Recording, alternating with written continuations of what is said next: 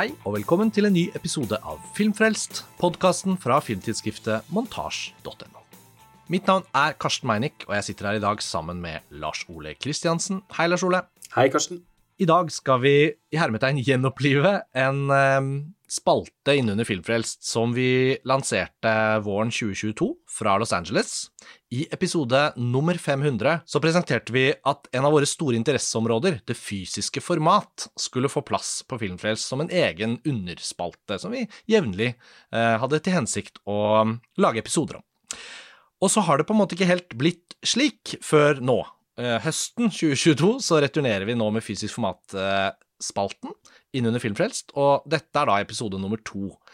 Lars Ole, det var jo egentlig ikke sånn at vi planla for at det skulle gå så lang tid. Eh, skal vi kartlegge litt for lytterne hva det var som skjedde på veien? Nei, altså, vi hadde mange gode ideer, syns jeg. Eh, men vi hadde noen avtaler en dag i Oslo som Eh, da sammenfalt med den forferdelige terroraksjonen mm. Eh, like før uh, sommeren. Så det gjorde at vi ble nødt til å omrokere på de avtalene. Og Så ble det litt vanskelig å ja, finne nye tidspunkter. Eh, sommerferien kom som slo inn over oss som en bølge på stranden. og uh, ukene og månedene gikk. Men nå uh, sitter vi her og er veldig klare for å lage ganske mange fysisk format-episoder eh, framover, da. Mm. Og det har vært veldig hyggelig med eh, så mange lyttere. Det har faktisk vært en liksom påfallende andel lyttere som nevner at de syns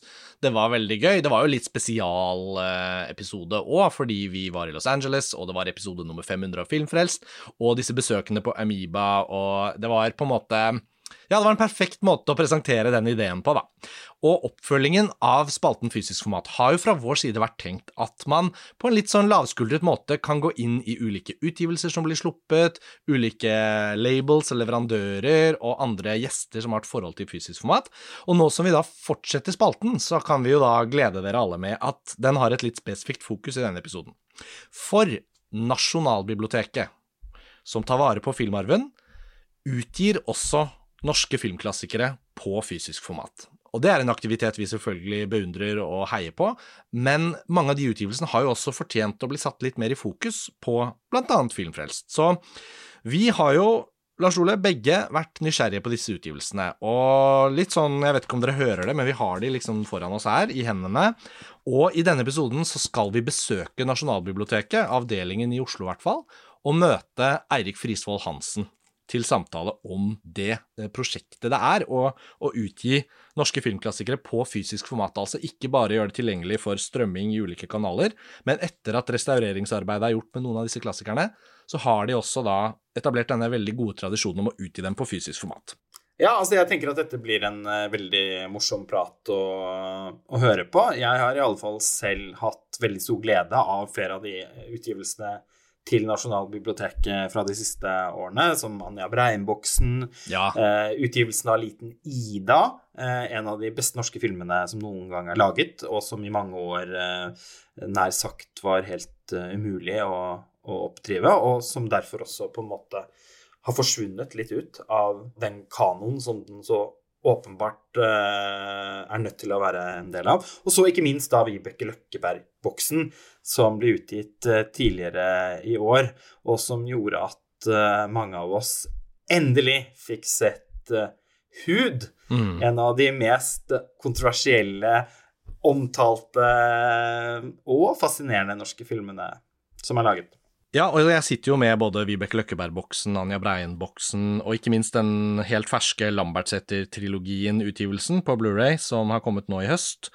Um, og som vi skal høre Frisvold Hansen fortelle litt nærmere om, så er det jo en blanding av at de utgir samlebokser, på en måte, da, eh, som, som Vibeke Løkkeberg-boksen, som jo er jo på en måte uh, virkelig Altså, der er det jo filmformidling på sitt absolutt beste, hvor en filmskaper som er et navn, men som har laget filmer som folk egentlig ikke har sett, i hvert fall ikke nyere generasjoner, inkludert vår egen, har hatt veldig få anledninger til å se de filmene på en bra måte. De er både restaurert, og det er masse bonusmateriale, og i samme liksom, åndedrag så har det jo da, året før blir det vel, da, kommet også en stor biografi om Vibeke Løkkeberg, eh, ført i pennen av Johanne Kielland Servold, som også har bidratt med en tekst inn i den utgivelsen og sånn, så den, den er jo storslagen, på en måte, og, og, vi skal få høre litt mer om det i samtalen med Frisvold Hansen. Men det er også sånne singelutgivelser hvor f.eks. Tankred Ibsens Gjestbordsen er da restaurert og utgitt for seg.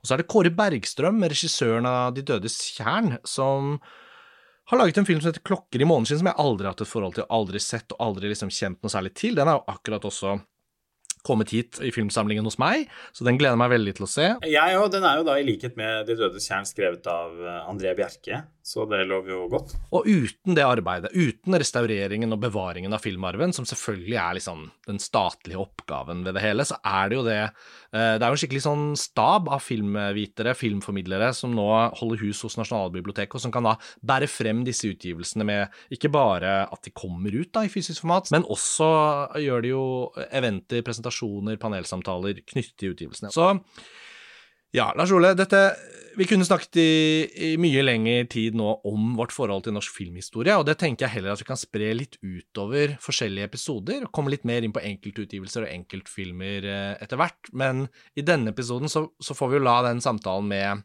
Frisvold Hansen stå eh, i hovedfokus, da, og, og, sånn at vi kan lære litt mer om, om begrunnelsen og arbeidet bak disse utgivelsene. Så nå i høst så blir det veldig stas å returnere til disse episodene om fysisk format, hvor vi både snakker da om filmene i seg selv, men kanskje ekstra fokus blir lagt på at det faktisk er fysiske utgivelser, og hvorfor det har stor betydning.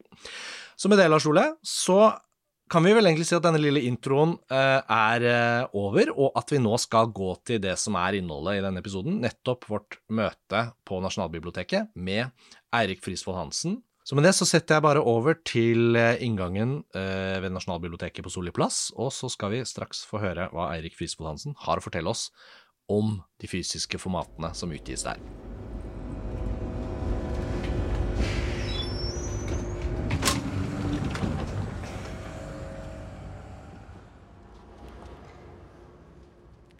Og nå har vi altså ankommet Nasjonalbiblioteket avdeling Oslo. Vi har blitt tatt imot i resepsjonen av vår gjest i episoden, Eirik Frisvold Hansen. Velkommen tilbake til Filmfrelst. Tusen takk. Du var jo med i podkasten for noen år siden da det var eh, Olsenbanden som sto i fokus på en live-episode fra Oslo Pix. Um, velkommen tilbake. Nå skal vi snakke om noe litt annet. Og sist så var også Postorkesteret med og avsluttet uh, podkasten, de er heller ikke her. Nei, de har dessverre meldt avbud, da. Og denne episoden handler jo da om fysisk format. Og denne spalten har vi jo foreløpig bare gjort én episode av, men som nevnt skal det nå øke i hyppighet. Og Eirik, vi sitter her sammen med deg på Nasjonalbiblioteket fordi NB, for å kalle det det, signerer eh, en viss mengde utgivelser av norske filmer på DVD og Blu-ray, og har gjort det i en tid. Det har endret seg litt fra de litt eldre utgavene til nyere utgivelser, men eh, detaljene rundt det kommer vi sikkert inn på underveis. Skulle vi bare repetert for lytterne litt kort om deg? Altså, du bidrar jo også til montasje i spalten Analysen om norske filmer, og så jobber du her i stilling som forskningsbibliotekar. Det stemmer. Kan du si litt om hvilket type arbeid dere gjør her på Nasjonalbiblioteket som ligger til grunn for disse utgivelsene? Ja, altså Nasjonalbiblioteket er jo det nasjonale norske filmarkivet. sånn at det er jo NB som har ansvar for bevaring av den norske filmarven. Uh, og det foregår jo delvis i Oslo, men først og fremst i, i Mo i Rana, hvor jo det er store arkiver, og hvor det er analoge laboratorier, og hvor det er uh, skannere, og det pågår digitale uh, restaureringer av alle mulige slags typer filmer. Så uh, disse utgivelsene som vi har gitt ut, er jo på en måte både en refleksjon av det vi har i samlingen, men også det arbeidet som er utført. da, ikke sant? Det er restaureringsarbeidet som, uh, som vi har gjort. Mm. Og jeg tenker ofte på filmarven som en slags sånn felles akkumulering av en filmkultur som kanskje nyere generasjoner, på en måte meg selv inkludert, da, har uh, måttet liksom ta igjen for å forstå sammenhengene rundt. Altså at um, Om det er 70-80-tallets Wam og Vennerød-filmer og, og, deres popkulturelle plass for ironigenerasjonen, om det var på uh, Åpen post uh, Lille Lørdag eller den typen humorprogrammer som var min popkulturelle oppvåkning. ikke sant? Og så, så går det så fort. ikke sant? Nå er vi langt inne på 2000-tallet. Plutselig er ordet DVD noe gammeldags, som jeg følte jeg vokste veldig opp med. Og nå er vi i en sånn strømmetidsalder hvor komplett tilgang skulle kunne gi dyp innsikt, men det gir også et kaos, og folk mister, eh, mister liksom tråden i det å finne fram til f.eks. de gode filmene. Da. Og når vi snakker om norsk filmkultur, så tenker jeg jo av og til på Mo i Rana som en enorm ressurs som tar vare på ting, men jeg tenker også litt på det som en dyp, dyp hule hvor ting forsvinner inn for aldri å bli sett igjen, på en måte. Vi vet at det fins en digital restaurering av film X eller Y, men blir den noen gang sett av noen? Og dere har jo også et formidlingsansvar eh, ut mot befolkningen, da. Og jeg i hvert fall opplever, eller vi i Montasj opplever jo at disse fysiske formatutgivelsene på DVD og Blu-ray av et utvalg filmer, noen eh, dedikert mot spesifikke filmskapere, andre med spesifikke filmer som har en spesifikk betydning. Så da, da, tenker jeg liksom at det ligger jo noen mål og noen ambisjoner hos dere som vi kanskje ser mest tydelig materialisert i disse utgivelsene. Da. Hvor holdt på å si, lovfestet er det at dere gjør dette arbeidet? Altså Kunne det også bare blitt lagret i Mo i Rana, og så var det ingen som spurte noe mer om det? Du kan si at det som er grunnlaget for Nasjonalbibliotekets eh, eksistens som institusjon, er jo pliktavleveringsloven. Uh, som jo er veldig formelt. Det er en slags medienøytral pliktavleringslov uh, som, som, ble, laget på, på slutten av 80-tallet, og som lå til grunn for at organisasjonen ble etablert. Og så har vi hatt pliktavleringslov for bøker og trykksaker og sånn mye lenger enn det. Men det som på en måte er det primære oppdraget til Nasjonalbiblioteket, er jo å være en bevaringsinstitusjon. At alt som er uh, publisert og offentliggjort på tvers av ulike medietyper, skal leveres hit, og det skal tas vare på og det skal gjøres tilgjengelig for forskning og dokumentasjon, ikke sant. Men så har man jo også en større formidlingsambisjon eh, for deler av samlingen, eller for alle mulige slags aspekter ved samlingen, som jo da kommer til uttrykk i mange ulike aktiviteter, andre utgivelser i bokform, arrangementer, podkaster, og også disse fysiske utgivelsene. Mm. Men det handler jo og selvfølgelig i form av la oss si, hjemmesiden vår, hvor det også ligger mye materiale, mm. osv. Men det er klart at uh, sånn som disse filmutgivelsene, de reflekterer jo et utsnitt av, av, samlingen, og det er kuraterte utgivelser som vi har jobbet mye med, uh, og, og, sånn som, som, jo ikke utgjør noen slags totalitet eller en slags komplett tilgang til, til, uh, til filmhistorien, men som er noen interessante eksempler på det. Mm. Jeg syns det tegner opp egentlig et veldig godt bilde av uh, hva vi har foran oss. Altså her på bordet i dette møterommet hvor vi nå sitter, jeg føler det er jo en sånn viss sånn kulturell vekt fra omgivelsene her. Det er noen bokhyller, men det er også et, et, bilde, så jeg vet ikke helt hvem Dette er uh, Drollsum, som jo da var en av de viktigste norske universitetsbibliotekarene som var den som bl.a. fikk dette huset vi er i nå, bygd, ja. uh, og som også eh, etablerte en ny pliktavleringslov på slutten av 1800-tallet. Okay. Sånn så, så Han det, våker over oss her Absolutt. Ja, veldig mm. flott, fornemt uh, maleri. Og så har vi da altså på bordet et knippe av disse utgivelsene, og, uh, eller i hvert fall flesteparten, kan man si. Jeg ser på Vibeke Løkkeberg-boksen, som vi skal komme mer inn på etter hvert. Jeg ser på den helt ferske Lambertseter-trilogien, bestående av de tre filmene 'Støv på hjernen', 'Sønner av Norge' og 'Sønner av Norge kjøper bil'. En liten franchise. Absolutt. Og, og, så har vi en liten bunke her med enkeltfilmer da, som er utgitt, som jeg føler liksom hører til liksom sin egen lille sånn singles-label her. Liten Ida av Laila Mikkelsen, Tankred Ibsens Gjestbordsen, Kåre Bergstrøms Klokker i måneskinn, og 'Reisen til julestjernen' av Ola Solum med Hanne Krogh i hovedrollen. Og så har vi Anja Breien-boksen, som jo er noen år gammel nå, og som i hvert fall jeg hadde veldig glede av da den kom. Jeg følte det var det vinduet som trengtes, for min del i hvert fall, til å få sett flere av hennes filmer enn Hustruen-trilogien. Så har vi også en utgivelse her av stumfilmen, altså stumfilmadaptasjonen av Pan, regi Harald Svendsen, og en DVD som heter Stumme filmspor, der eh, dere har utgitt ja, du får sette ord på det selv enda bedre enn meg, men det som er igjen av norsk spillefilm fra før 1920, eller i hvert fall noe av det som er bevart. Ikke sant, Og det er en Blu-ray-utgivelse. Ja, det er en Blu-ray, ja. Uh, men uh, ja, det er på en måte en slags tilnærmet komplett samling av det som er bevart av, av spor etter norsk 1910-talls filmproduksjon, mm. uh, spillefilmproduksjon. Mm. og det dreier seg jo da bare om fire filmer. Altså Det var jo bare 16 filmer som hadde premiere i Norge under hele det tiåret. Og det er bare fire som er bevart, og bare to av dem er altså, tilnærmet komplette. Men så er det jo da også mange filmer som er mer eller mindre godt eh, tapt.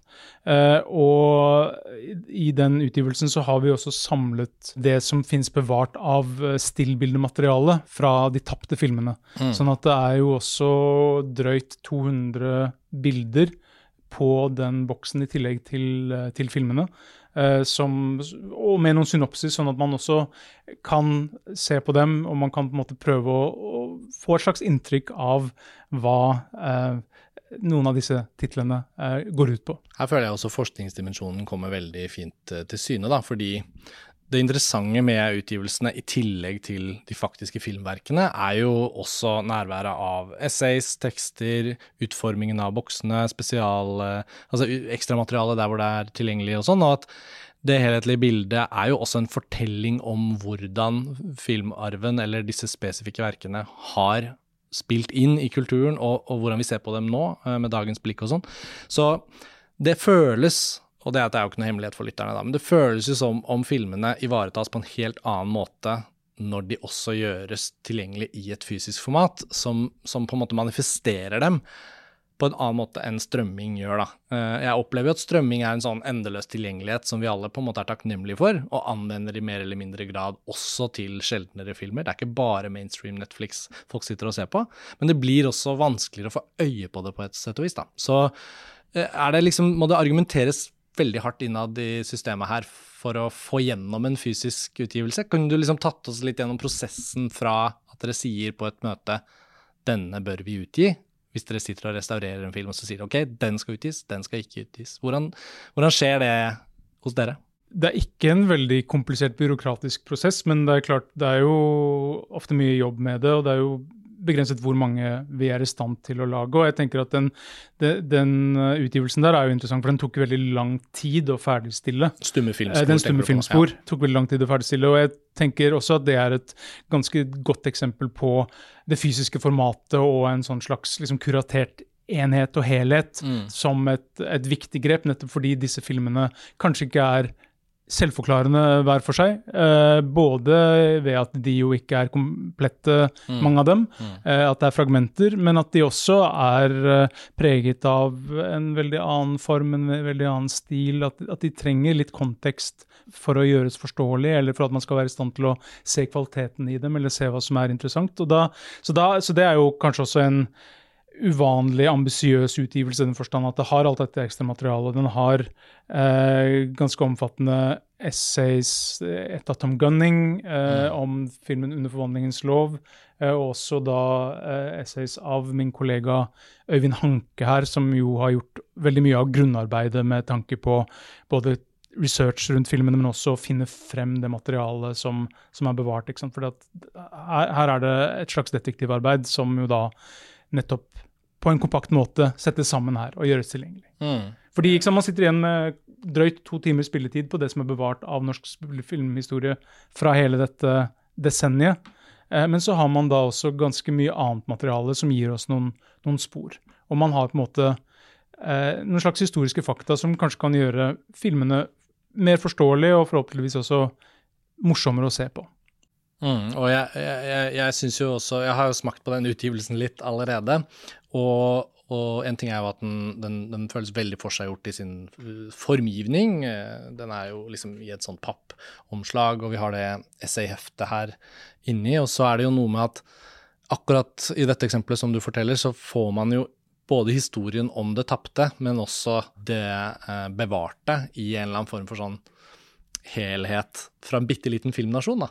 For det er jo litt rørende òg at lille Norge da, 19, på 1910-tallet hadde et så lite med dagens øyne, da, lite antall filmer som ble laget, men at det fortsatt er noe å, å fortelle om, da. Jo, men absolutt. Det er jo virkelig en bitte liten filmnasjon, og, og, som jo har en produksjon som foregår helt på siden av uh, de store europeiske landene. Både Sverige og Danmark var jo ganske store filmnasjoner. Mm. Eller til del, altså Danmark særlig var jo på 1910-tallet, og Sverige særlig fra slutten av 1910-tallet var jo gigantiske filmnasjoner. Og, og, Norge er jo liksom helt på siden der og har en veldig begrenset produksjon. Og halvparten, eller vel så det, av produksjonen er knyttet til ett filmselskap og én aktør de siste tre årene av 10-tallet. det er et par år i midten hvor det ikke er noen filmer som gis ut eller som produseres i det hele tatt. ikke sant? Sånn at, eh, og det er stort sett knyttet til kinoeiere eh, som også lager litt film og forsøker å lage film som de kan vise på sine egne kinoer. Så, eh, så akkurat det der gjør jo også filmene litt interessante. Det gjør også at de kanskje er litt liksom grovhogde i sin form, sammenlignet med det beste fra Europa, eller hva man skal si, ja. eller USA. Eh, Men det, det er jo også noe som er interessant på det. Men jeg husker et par av de filmene på den, eh, på den utgivelsen har blitt vist på denne festivalen som heter Il Cinema Retrovato i Bologna, som jo er en slags arkivfilmfestival, og som har hatt en, et, uh, en serie som heter For 100 år siden, i veldig mange år. Sånn at både historien om en gutt og revolusjonens datter fra henholdsvis 1919 og 1918, som er med i denne boksen her, ble jo vist uh, der. Og, uh, og da husker jeg også at jeg gikk jeg introduserte da historien om en gutt Ja. inn i 2019. Og, og jeg husker at jeg liksom dagen før gikk på visning av Herr Arnes penninger av, av Maurits Stiller liksom, i samme serie. Og det er klart det er en nivåforskjell der. Mm. Eh, men jeg tror også mye, mye av det som var fascinasjonen eh, hos de som så filmen, var jo nettopp at her har vi en ja, en, en filmindustri som på en måte er så på siden, men som samtidig selvfølgelig også er veldig tydelig influert av både stilistiske trender utenfra og liksom politiske strømninger eller alle mulige andre typer temaer. Og så er det jo interessant å tenke på Norge, da, bare kort for å liksom mm, trekke inn eh, andre kunstformer fra den tiden. Da. Tenke på Norge i forhold til dramatikerne våre, forfatterne våre, hvor vi er da, på 1910-tallet og kommer ut fra slutten av 1800-tallet med alt fra Liksom Ibsen, Bjørnson, Munch, Nansen, Polfarerne Altså alt det vi hadde som var sånn verdensstjerneaktig. Og så har man noen som er helt ukjente nå, fortsatt egentlig, som pusler med film. Og Det er litt rørende å tenke på, syns jeg. Og det er gøy å tenke på at vi også har hatt muligheten til å bevare noe av det. da. Det er jo sikkert mange land som egentlig mister nesten alt fra den perioden, som ikke har bevaring. Det er jo en periode hvor, eh, hvor eh, i hvert fall to tredjedeler er gått tapt, eh, og kanskje mer også, i, av den internasjonale filmhistorien. Ja, og det er også noe spesielt med 1910-tallet, fordi eh, apropos de tingene du nevner om la oss si, den nasjonale og den nasjonale litter litterære arven og, eh, eh, og alt sånt, så, så, så er jo 1910-tallet en periode der filmene i stor grad handler om litt sånn urbane miljøer, de handler om eh, kriminalitet, og de, de, de bygger ikke på, la oss si, Ibsen eller Hamsun eller de litterære foreleggene. Eh, mens når man kommer til 1920-tallet, Mm. så skjer jo det såkalte la oss si, nasjonale gjennombruddet i, i norsk film. Mm. Og det blir jo en interesse for øh, Eller det blir jo i mye større grad det nasjonalromantiske. Filmer som bygger på litterære forelegg, på, med referanser til kunsthistorien. Eh, mye bondefortellinger og, Mm. og, og så videre. Mm. Eh, sånn at 1910-tallet skiller seg jo også veldig ut eh, i norsk filmhistorie, eh, og er et veldig annet type tiår i stumfilmhistorien enn det det kommende 20-tallet ble. Ja, og bare det du forteller om nå, da, er jo alene en veldig sånn klar åpenbar formidlingsargumentasjon rundt betydningen av at når man, når man får gjort det arbeidet ferdig og får samlet det For det er jo noe med det jo at særlig den utgivelsen Stummes filmspor, den litt sånn komplette både det komplett manglende og det komplett komplette, liksom, i, i, på ett sted. Eh, og også noe med at vi er forbi bare DVD-er, og at vi kommer til et punkt hvor en Blu-ray med alt sin lagringskapasitet og høykvalitet kan være på en måte da en markør, og så er den utgitt. Eh, Jeg vet ikke hvor mange eksemplarer det har laget, men det er jo engelsk tekst også på baksiden her, og det er sonefritt i forhold til hvor i verden filmen kan spille seg. Så for forskere og nysgjerrige rundt omkring i verden, så er jo en sånn utgivelse det eneste stedet de eventuelt kan gå til, da. Jeg tenker jo det kan også være en fordel med fysisk format. altså en, en så, klart En begrensning med mye strømming eller nettspillere eller sånne ting er jo Mm. at ting forsvinner til Mm, dels. ikke sant? mm, Altså mm. At det er avhengig av de rettighetene som eh, eh, utgiverne har i en viss periode, som kanskje kan, kan forsvinnes, eller avtale, avtale kan reforhandles osv. Men, men også denne spredningen på tvers av landegrenser er, Mm. er også verdifulle med et sånt nisjeprodukt som jo en utgivelse som Stumme filmspor utvilsomt er. Som definitivt har et publikum, Mm. som har et veldig interessert publikum.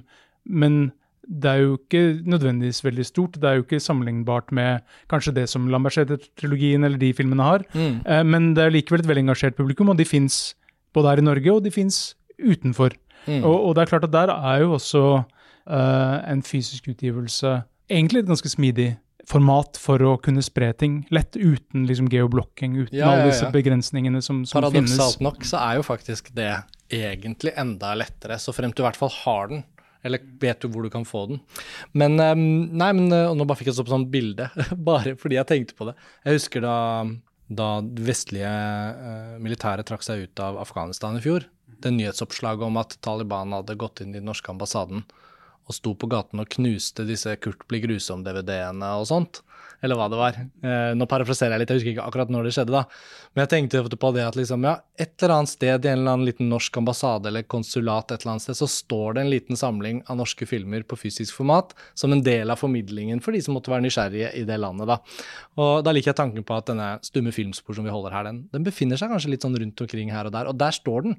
Og det er nettopp det der ubestemmelige over strømmingen og digital tilgang som gjør at man føler seg mye tryggere når man har noe på et fysisk format, da. Ja, NFI har jo lenge hatt en sånn ambassadeutgivelse. gir- Ambassadeboks. Ambassadeboksen, ikke sant. Ja. Uh, hvor jo ikke den er inngått. Men jeg tenker også det nettopp at den, den kan på en måte i prinsippet finnes hvor som helst, Mm. og spilles av hvor som helst. Kan jeg spørre hvor mange eksemplarer? Eh, Fordi dette er jo nesten sånn dere kunne ha markert, da, med sånn limited edition og nummerert og sånn. Eh, Det er det ikke på. Vet du hvor mange Eller hvor mange lagde dere? Eller hvor mange har dere laget? For eksempel av den, da. Jeg tror øh, Jeg vet ikke hvor- mye jeg har lov til å avsløre om sånne ting. Nei, heller, men, sant, men, nei, men jeg tror det var 1000 eller noe sånt. Det er også Ja, noe med, det er også noe med sant, det, er, det, er jo, det er også noe med hva, hva skal jeg si, prisen på hvert enkelt blir hvis man har for lav opplag også. Ja, sånn, ja. Fordi det koster Mm. ganske mye å bare produsere det. Ja, jeg skal spørre deg om det litt senere, mer sånn rundt dette med Blu-ray DVD. Men jeg tenkte, før vi går videre, Eirik, for jeg glemte det litt i introen, men det passer fint å ta det nå. I din egen liksom, dannelsesreise fra å være filminteressert til å studere film i ulike grader, og, og nå være her på Nasjonalbiblioteket, så tenkte jeg bare vi må, vi må en kort tur innom ditt eget forhold til fysisk format, og hvilken betydning det har hatt for din filminteresse. For vi er jo på akkurat litt ulike generasjoner, og jeg lurer liksom på Hvilket av formatene betød mest for deg da du ble filminteressert, og for så vidt da du studerte film? Altså, er VHS-en et format som spilte en sentral rolle i din uh, oppvekst? Ja, VHS-en er jo sentral. Uh, DVD-en er jo et slags uh, format som jeg som jeg bare har opplevd i voksen alder, kan du Mm, si. mm. Uh, så jeg er født da i 1975. Mm. Jeg er eh, født i 82, så det er akkurat Ja, litt er- forskjell. Ja, det, er litt forskjell der. Ja. Så, så VVS-en blir jo viktig. Jeg husker også at VVS-en på en måte kom, Ja. eller at denne de, med Moviebox og alle disse mulighetene fantes. Sånn at jeg har alltid vært veldig, alltid vært veldig filminteressert, og uh, av en eller annen grunn. uh, og bodde jo da også på Elverum med liksom begrenset antall, begrenset tilbud. eh, og, og sånn, Men eh, jeg husker at jeg i veldig stor grad dyrket filminteressen ved å lese om filmer. ikke sant? At man, Mm. at man lånte bøker på biblioteket og kunne lese om filmer som man aldri fikk se, men, Mm. eh, men eh, kunne forestille seg noe om hvordan var. Men eh, ja, altså når VHS-en kom, så var jo det interessant. Og, så det er klart, jeg hadde jo også jeg, som filmstudent så hadde jeg en veldig stor VHS-samling. Kjøpte med VHS, spilte inn litt sånn metodisk veldig mye av Ja. film som gikk på, på, på TV, og bygde opp en slags samling. Samme her. Uh, og så tror jeg rundt Det var vel rundt 2000 cirka, Ja. så kom vel DVD-en som et format eh, og at jeg kjøpte en DVD-spiller. Jeg husker Mm. at jeg kjøpte noen, noen DVD-er før jeg faktisk kjøpte en spiller. Ja, det var der ved årtusenskiftet. Altså, jeg jobbet i videobutikk på Majorstua uh, fra og med høsten 99. Ja. Jeg husker veldig godt at det var sånn promokampanje for det nye formatet. Ja. Kom omtrent samtidig, da. Uh, The Matrix var vel en av de første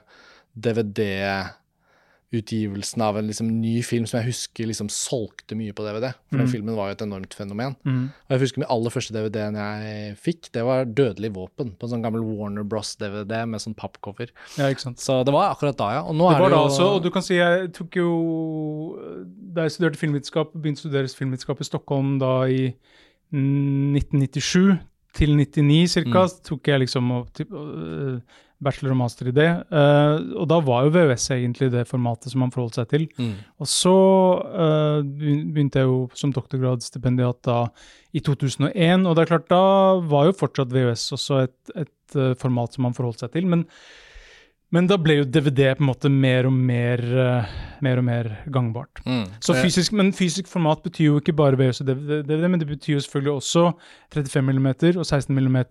Uh, og det er klart at det har jo i stor grad forsvunnet. Mm. Og det er jo et slags tap. Mm. Uh, I større grad. For det, ja. Og jeg tenker litt sånn rart, jeg lurer på om jeg, noen ganger lurer jeg på er jeg misunnelig på de yngre generasjoner som blir veldig filminteressert nå, og hva de har av tilgang og sånn, eller syns jeg er litt synd på dem fordi de har gått glipp av noe. Fordi ting har jo endret seg voldsomt, og når, det er jo umulig å ikke komme litt inn på det mens vi sitter her og snakker om disse utgivelsene dere har nå eh, lagt fram på bordet her, da, og liksom som vi har som tema. Fordi jeg vet jo at vi også har lyttere som er både av den yngre generasjonen og for så vidt mye eldre, så mange kan kjenne seg igjen i ulike former for formatet. Men jeg, jeg har nå likevel en gang en følelse av at det var noe litt sånn spesielt å få være med på både at film ble vist på 35 på kino, og film fantes på video, og det var en vesentlig forbedring fra VHS til DVD. Mer enn forbedringen fra DVD til Blu-ray. Altså graden av forbedring, på en måte. Ja. Og så er det jo noe med at kino også har blitt mye likere overalt. Fordi det er digitalt, så blir på en måte Det har selvfølgelig mye å si med lyd og lerret og lysstyrke i projektoren og alt sånt, men det er noe med at den digitale kopien er nå engang den samme eh, overalt. Ikke sant? Alt er mye mer likt. Det er veldig mye mer likt å se en film på sin flatskjerm hjemme og ja. se den på kino, ja. sammenlignet med ja. eh, la oss si man, at man så det på en stor, tykk TV før og så en 35 mm-kopi. Det var klart det var en gigantisk kvalitetsforskjell eh, og en forskjell i uttrykk osv. Og, så videre, og enda en slags forringing når man så det på VHS, for så vidt. Eh, sånn at eh, Så den der den der variasjonen i ulike typer materialitet og ulike typer format og sånn, mm. uh, den er jo mindre. Så er det klart at man kan jo gå på nettet og se ting på YouTube eller, eller som også ser forferdelig ut, hvis man ønsker ja. det. Eller som er,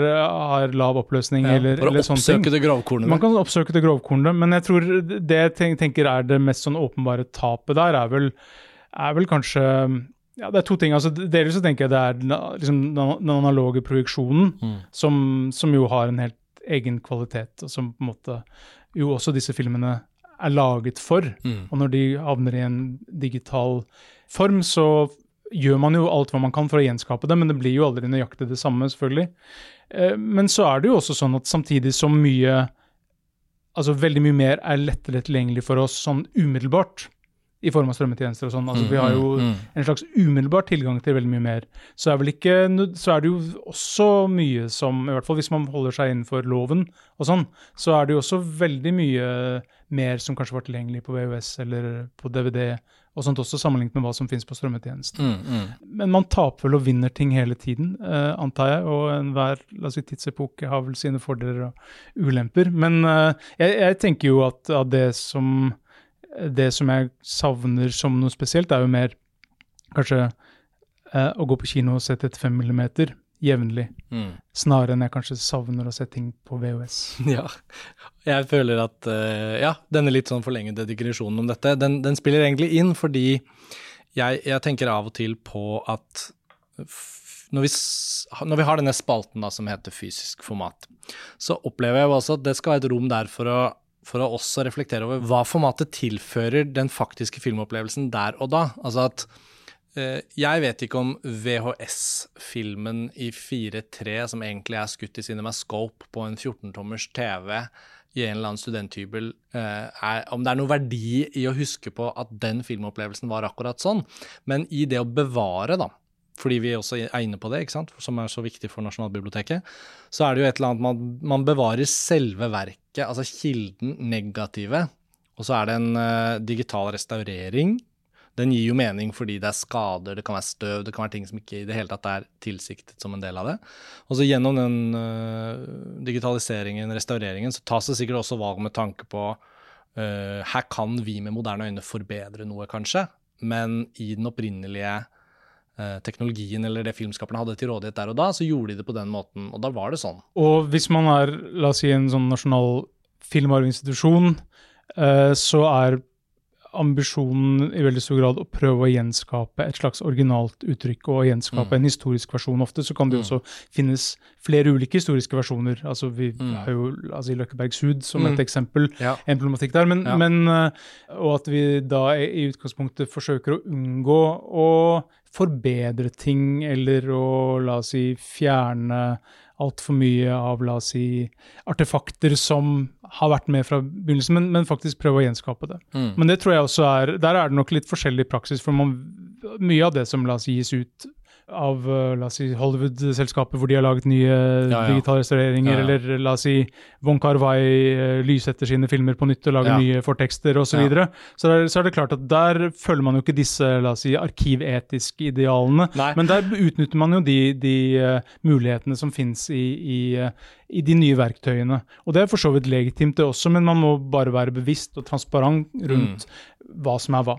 Ja, Det er gøy det med Von Carvai-eksempelet ditt, fordi jeg gikk jo til innkjøp av Criterions helt sånn utsøkte, fantastiske boks med Von Carvai, som kom da for et og et halvt eller to år siden, jeg husker ikke.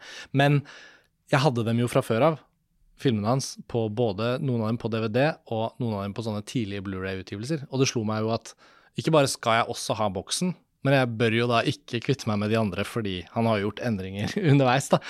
På den måten blir jo fysisk format også, hvis man først har samlet på film, da, fra VHS DVD og frem til i dag, og ikke kvittet seg med ting, så kan man jo bli sittende med ting som ikke fins på strømming, fordi det alltid vil være den nyeste utgivelsen. av. Eller at ting også f.eks. kan bli fjernet eller klippet bort fordi det anses som støtende, eller fordi det Mm. altså sånn at Ja. Det er jo mye som, mye som skjer i de digitale versjonene som, som spres, som er knyttet til både en slags samtidens smak, altså at man da Mm. ønsker å få filmen til å se så godt ut som mulig på den typen flatskjermer som folk har. Folk er jo også veldig opptatt av liksom, Ja, at ting skal se bra ut på det de har kjøpt, og veldig opptatt av Ja, ja. av det de har hjemme. Men, men også at man tilpasser det til la oss si, eh, folkemoral eller, eller, eller sånne ting. Sånn at jeg tenker at uh, det er absolutt eh, Absolutt i hvert fall et poeng å bevare noe. Om det betyr at ethvert menneske må ha et fullstendig arkiv av alle versjoner av Wong Kar-Wais filmer, eller om man kan ha institusjoner som Nasjonalbiblioteket som Ja, ja, ja, ta, det var det. tar det ansvaret for oss. Men,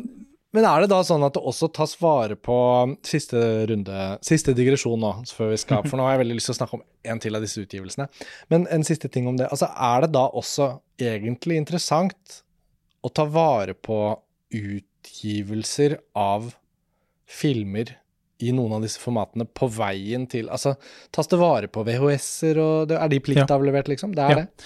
Det tas vare på utgivelser, fordi, og de kan jo være interessante av, av ulike eh, årsaker. Også fordi at de- de kan skille seg fra hverandre, Mm. og fordi de er versjonert med liksom, norske tekster eller norsk, Ja, ja. norsk tale. Eh, så det tas også vare på, faktisk. Og det er i Mo i Rana, i hvelvet. Ja, men også her eh, kan man i stor grad også gå og se mye av det som er utgitt på, på video. Man, Ja. Norsk film da, primært, men ja, nei, men så, så der er det vel muligens ikke altså komplette samlinger av alt som har vært på, i alle norske videobutikker gjennom tidene, men, men det, er, det er også en verdi jo, i selve utgivelsen, ja, Ja. som én form for variant, én form for eh, versjon. Spennende. Altså, um, vi må snakke litt om denne Vibeke Løkkeberg-boksen, Eirik. mm. Eh, nå kom vi jo bitte litt inn på uh, Løkkeberg fordi du nevnte hud, ulike versjoner. Altså, jeg må si jeg syns dette er et storverk innen fysisk formatutgivelser i Norge av norsk film. Så gratulerer med utgivelsen. Uh, dette er jo Tusen ikke uh, en spalte hvor vi nødvendigvis leverer uh, liksom anmeldelser av fysisk format, men både Lars Ole Kristiansen og jeg har altså vært litt sånn gledelig sjokkert da, av hvor forseggjort denne boksen er. Og ikke minst den faktiske spesifikke betydningen av at det er Vibeke Løkkeberg som filmskaper som står i fokus for en sånn type utgivelse. Fordi hun har jo da vært en filmskaper og en personlighet, en, en kunstner i norsk offentlighet, som det har blitt ment mye om opp gjennom årene. Men det har også blitt mistet helt av syne hva hun faktisk lagde. Og det at filmene hennes nå eksisterer på denne Blu-ray-utgivelsen og har gått gjennom restaurering og, og sånt hos Nasjonalbiblioteket, det setter egentlig henne som filmskaper i et helt nytt lys, selv om hun ikke har laget nye filmer for anledningen. Og um, biografien til Johanne Kielland Servold den burde jo nesten vært liksom festet ved hoften til denne Blu-ray-boksen. At man kunne, man kunne gitt ut hele greia som en kjempestor skoeske om Vibeke Løkberg. Men kunne du bare kort til å begynne med fortell litt om hvordan blir denne boksen til? Altså, Hvor er det det starter? Det er hyggelig at du sier dette også. Det, det har vært et viktig poeng å gjøre disse filmene tilgjengelig, fordi som du sier, dette er til dels filmer og da kanskje særlig hud som la oss si, det tydeligste eksempelet, veldig mange kjenner til, veldig mange har en mening om, eller altså noen av de mest berømte eller beryktede filmene, mest omdebatterte filmene, men som mm. egentlig ganske få har sett, og som jo også har vært eh, lite vist og lite tilgjengelig i, i, lang tid. sånn at det har jo også vært et, et poeng å, å, gjøre dette eh, tilgjengelig. Og til dels så er dette et arbeid som kanskje startet omtrent samtidig som vi hadde den uh, Anja Breien-utgivelsen. Mm, den eh, ligger jo også her. Den, som vi ga ut i 2015, da. Som ja, 2015. da var en utgivelse av tre av hennes uh, filmer uh, altså som ble laget etter Hustur, Altså mm.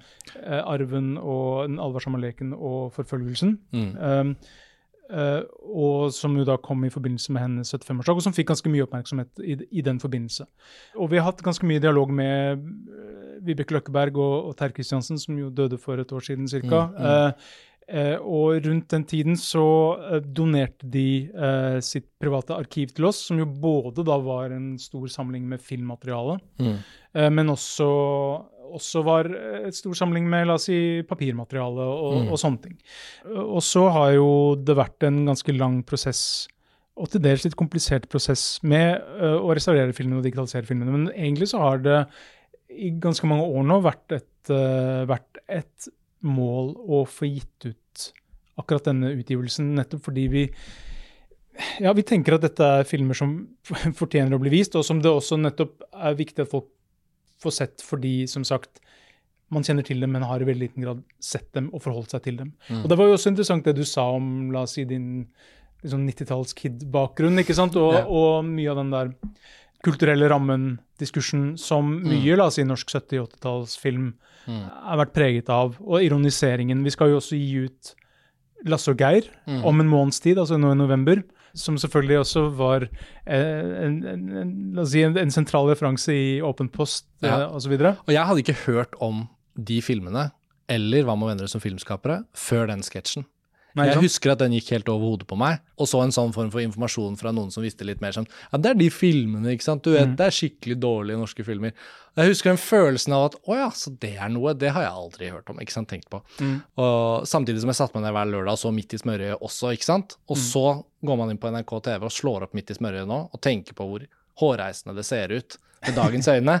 Og det var den gang, ikke sant? Så ja, nei, sånn går alt i sirkel. Jeg ser her at du har med deg en testdisk av ja, Lasse og Geir Blu-rayen. Som, som, et fysisk bevis på det, at noe er på gang. Ja, og det, vi ble vel enige om å møtes og snakke om alt dette like før den er utgitt, da. Men mm. kanskje sitter noen og hører på denne podkasten nå, og så er den faktisk utgitt. da. Og det er jo noe folk ser frem mot. Vi hadde en nyhetssak på montasje om at Hva med Vennerød-katalogen nå på en måte jobbes med, da.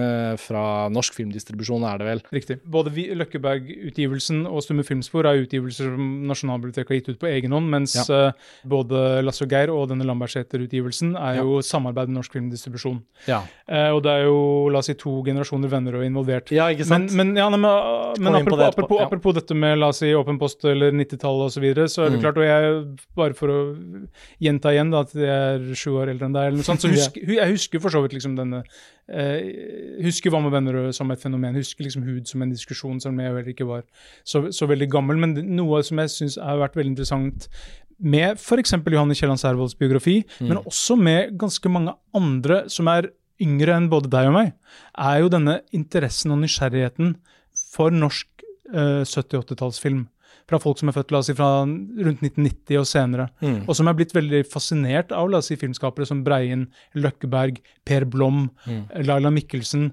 eh, og som på en måte ikke har har vært belemret med denne, la oss si, disse mytene som finnes om denne filmen, og liksom den, den liksom belastende bagasjen som, mm, mm, som mm. debatten som, som, de filmene er blitt diskutert uh, innenfor. Men, men måtte ha oppdaget dem og egentlig sett norske filmer som ser helt annerledes ut enn noe av det som lages i dag, uh, og som er veldig fascinert over det.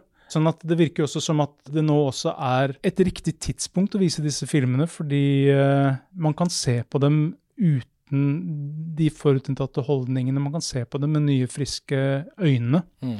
Ja, og det er interessant å oppleve nettopp at de som gjør det, ofte blir begeistret. Mm. Ja, vi altså, har jo da begynt på Løkkebergboksen. Jeg, før utgivelsen kom, så ble jeg jo veldig nysgjerrig på biografien, og, og, og kom i gang med å lese den. Jeg har ikke lest meg gjennom hele, men jeg må innrømme at det var virkelig Det var jo mye mer ved hennes barndom og liv, krigen, alt det som på en måte selvfølgelig starter biografien, da. Barndom og ungdom og sånn, oppvekst. Så det er jo et liv som også reflekteres i en filmskaper, og hun har jo også skrevet mange romaner, eh, og Vibeke Løkkeberg eh, på en måte bærer jo med seg veldig mange fortellinger fra ulike ting hun har tatt opp i seg som levende menneske, liksom, og det føler jeg at um, biografien er en veldig invitasjon til å se nærmere på filmene.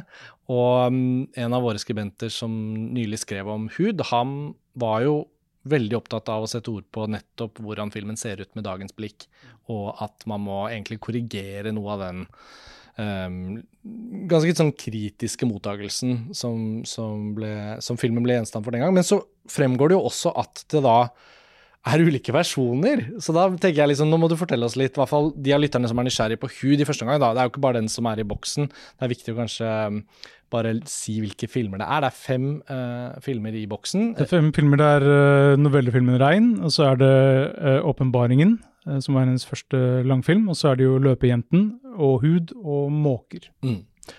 Og når det gjelder hud, da. Hva, hva, dere er i gang, dere har fått overlevert dette materialet fra Løkkeberg og Kristiansen. og Anja Brein-boksen er da gjennomført, og den ligger der. Og så måtte tikker årene, da. 2015, 2016, 2017, 2018. Det restaureres. Kan du ta oss litt inn midtveis i prosessen der? Hvor samarbeidsvillige, holdt jeg på å si, er Løkkeberg Kristiansen i forhold til valg dere vil ta? da? Er dere enige om alt på veien? Er det ting de vil tilføye? Er det ting de vil endre på? Her er det viktig å, å skille mellom delvis selve utgivelsen som sådan, mm. og hva den inneholder, og la oss si restaureringsarbeidet og la oss si det digitale bevaringsarbeidet, mm. hvor det jo er viktig at man ikke la oss si pynter på, på virkeligheten. Mm. At man forholder seg til at det er ulike historiske versjoner. Og, og der kan du si at vi har Uh, altså når det gjelder hud, så finnes det ulike versjoner. Altså først så var det en slags premiereversjon som var ca. tre timer lang. Men ehm, så ble filmen ganske fort klippet ned ca. en time i forbindelse med at den da ble vist i, uh, i Cannes, i sideprogrammet der. Og jeg tror også at den versjonen, uten at jeg har helt oversikt over det, altså denne ca. to timer lange, drøyt to timer lange versjonen, også hadde en god del kinodistribusjon i, i Norge. I tillegg så finnes jo da en TV-versjon i tror det er fem episoder, som er på drøyt fire timer, eh, kanskje snarere fem timer. Og alle disse versjonene er jo bevart basert på det, med utgangspunkt i det materialet som er tilgjengelig. Mm.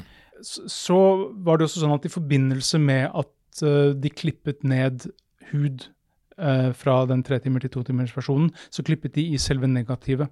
Sånn at uh, negativet fra den opprinnelige versjonen er på en måte ikke komplett lenger. Det er nå den, den kan-versjonen, eller hva man skal kalle det. Uh, men vi har visningskopier av den opprinnelige versjonen, og vi har også duplikatpositiv osv. Men det vi har la oss si, aller best bildekvalitet på, er denne kan-versjonen, eller hva man skal kalle det. Mm. Uh, så det ble jo da etter hvert bestemt at det var den vi ønsket å gi ut, og det var det som Løkkeberg og Kristiansen ønsket at vi skulle gi ut.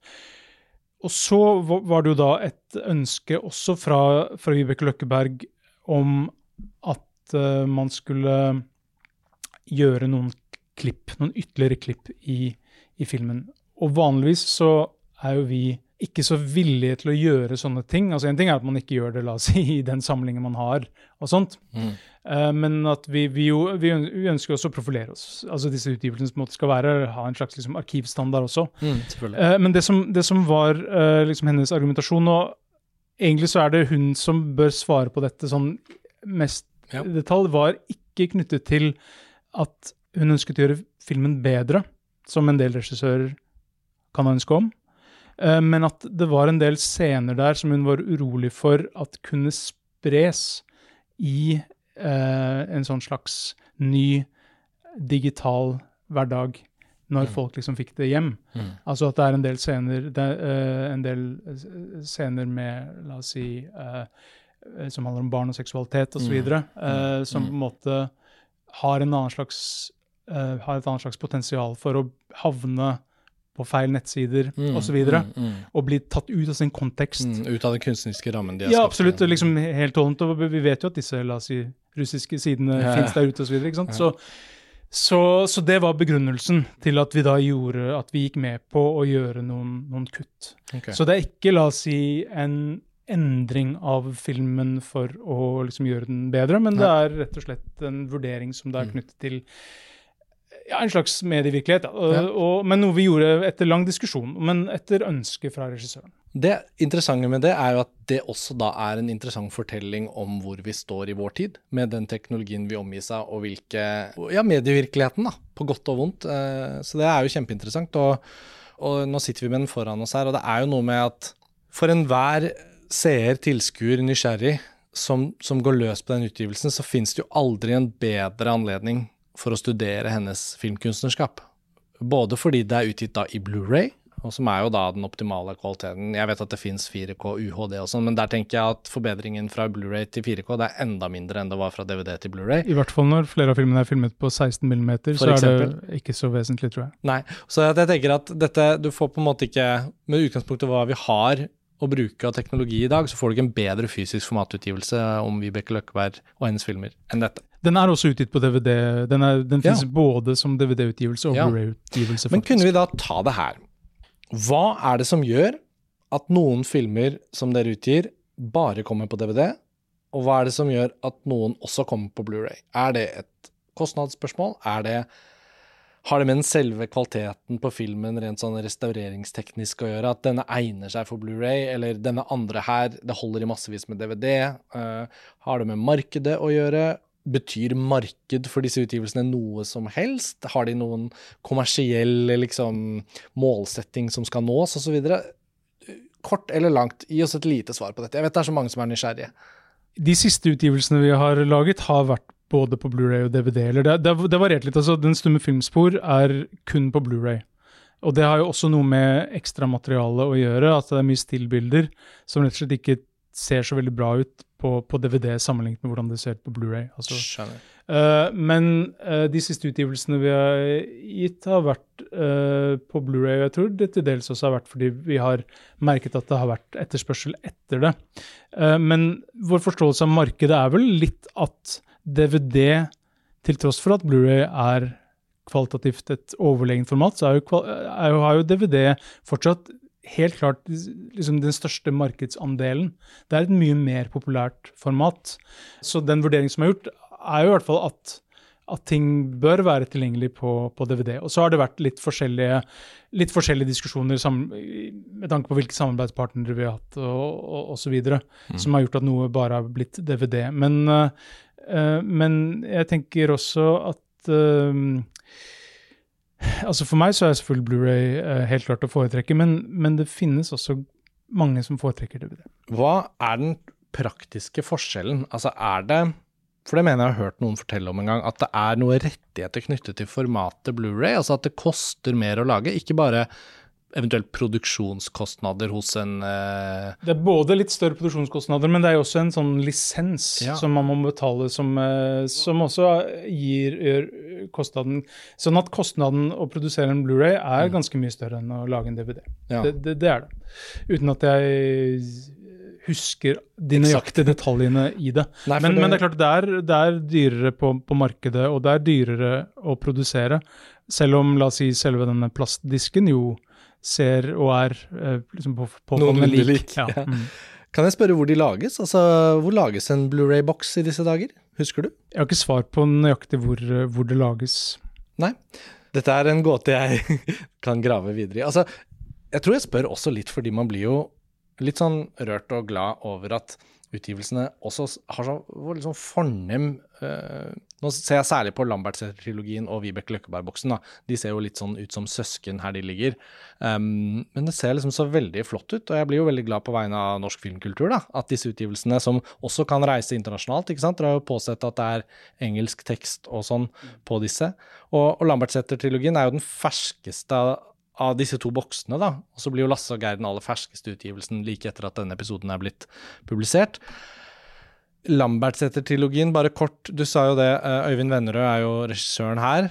Og eh, Norsk Filmdistribusjon, som vi har informert om på montasje i form av nyhetsrapporter om dette, har jo da tatt over en hel katalog fra gamle Norsk Film, Filmparken osv. Det er gjort noen nye avtaler her, så nå er en stor katalog av norsk, historisk norsk film er jo nå fristilt igjen rettighetsmessig for å kunne bli tilgjengelig både på fysisk format og på digitale strømmetjenester og sånt. Eh, så får vi se hvilke filmer som ender opp hvor, men det gjøres jo selvfølgelig da et valg at noen av dem kan egne seg for fysisk format. Og her i dette tilfellet så, så har jo denne boksen eh, blitt veldig forseggjort.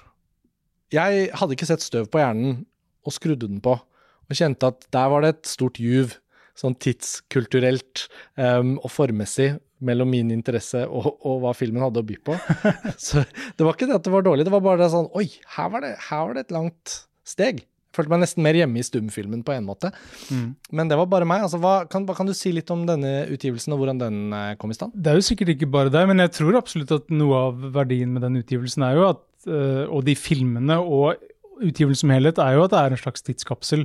Ja, for det er det jo. Og at det jo er en Det er filmer som jo da var enormt populære i, i sin tid. Ble, samtidig ble jo vi sett av en million på kino, ikke ja, sant? Ja. Eh, så det er jo filmer som på en eller annen måte fanget tidsånden veldig både når det gjaldt uh, Særlig liksom kjønnsidealer og, og mm. naboskap og, og, byråkrati og ting som skjedde i samfunnet. Jeg tror det var en film som på en måte traff, traff veldig riktig. Og det er klart at vi har jo ikke de samme vi, vi har jo ikke den samme forståelsen av la oss si, husmoren som den mest naturlige måten en kvinne skal leve, osv. Altså, det var et ideal som jo var, var veldig tydelig ja. på tidlig 60-tall, men som jo forsvant ja. veldig kort tid etter. Ja, ikke sant?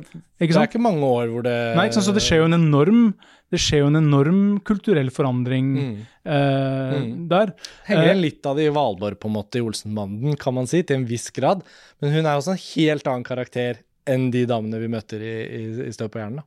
Ikke sant, og her, og, sånn, her, tematiseres jo virkelig den husmorkulturen og også den, den ulike Altså, kjønnskomedier er jo noe Leif Ove Larsen, som har skrevet et essay, mm, uh, kaller ja. disse filmene. Ja, Veldig Så, fine essays i den boksen, forresten. Ja, uh, og jeg tenker at noe av det som er interessant med dem, er at det er nettopp at de fanger tidsånden så godt. Jeg tror at hvis man levde da, det er det jo fortsatt mange som, som gjorde, mm. så vil man kunne kjenne seg igjen. Mm. Og for oss som ikke levde da, så er jo ikke den gjenkjenneligheten like åpenbar. Nei. Men like, jeg syns likevel det er en slags fascinasjon i å måtte få tilgang til noe som åpenbart tar en slags samtid på kornet, og man får et veldig interessant innblikk i uh, i en slags kultur og en veldig sånn tydelig sosial kontroll. Man merker jo veldig tydelig at Norge er et land mm. hvor, vi, hvor, vi, har kontroll over hverandre, hvor det er tydelige normer og regler for hvordan man skal leve. Og, og igjen, for å si noe om liksom selve pakken som helhet, så er det jo da sammen med disse tre filmene også noen opplysningsfilmer mm. som berører lignende temaer. Uh, og som liksom skisserer mange av de samme idealene eller reglene eller ideene som da spilles ut som komikk eller dramatikk i, i filmene. ikke sant? Det et par filmer som handler om husmorrollen på, på, ulike måter. Det er en film som handler om møteledelse og møteteknikk, som jeg syns er en vidunderlig film. Også noen filmer som handler om disse nye en film som handler om disse nye bydelene utenfor Oslo, jo, hvor Lambertseter jo var liksom det første mm. eksempelet uh, mm. som ble bygd etter, etter krigen. Uh, og om, uh, om, biltrafikk og samferdsel og hvordan man håndterer det på tidlig 60-tall. Sånn at jeg tenker at igjen så er det nettopp fint å ha et sånt format til å samle ulike typer filmer og la dem plasseres i en slags dialog med hverandre. Og i dette tilfellet så tenker jeg nettopp at det særlig er den der slags direkte tilgang til en tidsånd mm. uh, som er kvaliteten. Mm, absolutt. Heter Lambertseter-trilogien også den gang? da han lagde det er en, det er som film noir, en sånn konstruert, etterkonstruert uh, betegnelse. Mm. Som, uh, men som på en måte har festet seg i hvert fall i noen miljøer, og som nå jo blir mainstream, så klart, ja. med den utgivelsen. Ja, og så har vi jo snakket litt om Anja Breim-boksen. Der er det jo bare den bare, Jeg må bare si igjen, da, at eh, selv om ikke den er utgitt på Blu-ray, så må jeg bare oppfordre de som ennå ikke har benyttet den anledningen til å se Uh, Anja Breiens uh, Altså i hvert fall tre av hennes andre filmer da, som ikke er Hustru-trilogien, så kan jeg bare anbefale veldig varmt. Um, en av de andre litt eldre utgivelsene som ligger her, er jo denne Pan, ja. filmatiseringen fra 1922, som tilhører litt det du sa om utviklingen i norsk film på 1920-tallet. 'Reisen til julestjernen', altså den uh, trenger jo ikke noen ytterligere um, beskrivelse eller presentasjon, men den trengte kanskje restaurering, den også. Altså, hva, slags, hva slags stand var den i som gjorde at den gikk gjennom uh, maskineriet her på Nasjonalbiblioteket? Du kan jo si at med digitaliseringen av kinoene, eller digitaliseringen av alt, mm. så, trengs, så trengs det jo egentlig en slags digitalisering av alt. Fordi, mm. fordi uh, Og DCP-er? Altså ting kan ikke sant? Altså, vises? Altså, ting, for at ting skal kunne vises på kino. Sånn mm. at uh, det var vel ikke, la oss si, noen spesielt kritisk tilstand for den, hva jeg kjenner til, selv om selvfølgelig mye uh, mye av det arbeidet vi har gjort, særlig med tanke på analog restaurering, har jo vært knyttet til 70-80-talls fargefilm, fordi mm. det jo er en periode hvor fargefilm, råfilm, var er liksom spesielt uh, hva skal jeg si, ustabilt, og hvor det er mye blekning og uh, ja. misfarging og sånt som skjer. Mm, sånn, at, sånn, at, sånn, sett så, så, har jo det vært en prioritert periode, ja. nettopp for, å, nettopp for å, å, å, sikre det. Men, men, eh, nei, men ellers så var, var vel behovet der um, um, det samme som for resten av filmarven, på en måte, og dette er jo en film med veldig tydelig etterspørsel. Absolutt. 'Reisen til julestjernen' eh, med Hanne Krogh fra 1976. Den er jo blitt eh, gjort enda en eh, filmatisering av, da. Det er det, og, og også bare for å vektlegge dette som en slags nasjonalbibliotekutgivelse, så er det jo også et fint essay av min kollega Bent Kvalvik, som jo også plasserer det i sant, en slags teaterhistorisk kontekst. Mm. Og den er jo også utgitt i bokform, sånn at det er jo også en, et slags verk eller en slags historie som jo også reflekterer vår samling med liksom teaterhistoriske bilder eller med, med bøker ja. eller sånn, også på en, på en bredere, i bredere forstand enn bare gjennom uh, filmen. Mitt eget personlige forhold til fortellingen 'Reisen til julestjernen' knytter seg utelukkende til Nationaltheatrets sesongfaste oppsetninger, mye mer enn filmen. Uh, men der er man jo litt uh, ulikt, ulikt smidd. Skal vi se. Altså Tankred Ibsens 'Gjestbordsen'. Den ligger her. Og så ligger også Kåre Bergstrøms 'Klokker i måneskinn' her. Men Laila Mikkelsens Liten Ida, den føler jeg kanskje trenger å bli snakket litt mer om, for det er nok for veldig mange en nesten helt ukjent film. Men uh, av de som har sett den, og av de som har satt seg inn i den, er en av de store oppdagelsene av glimrende filmer uh, laget i Norge i ganske nylig filmhistorie, men som av en eller annen grunn ikke har hatt på en eller annen måte status eller nedslag, eller jeg vet ikke hva som er årsaken. Hva, hvor, hvor, startet dere med denne? Laila Mikkelsen lever jo fortsatt. Mm. Og, og, kan du si litt om arbeidet med, med Liten Ida?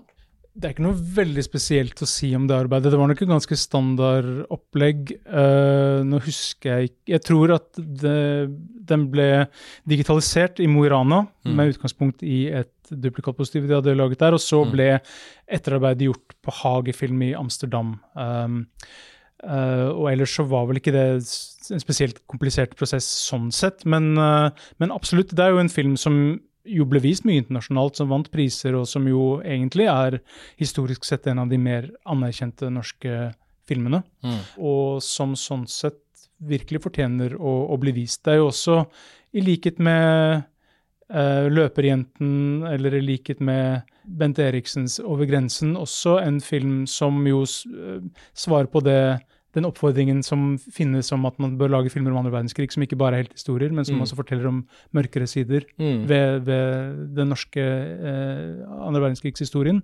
Og, og, der var det jo faktisk flere på, på 80-tallet som, som, gjorde det. Mm. Og, og Liten Ida er jo et av de fineste eksemplene på det.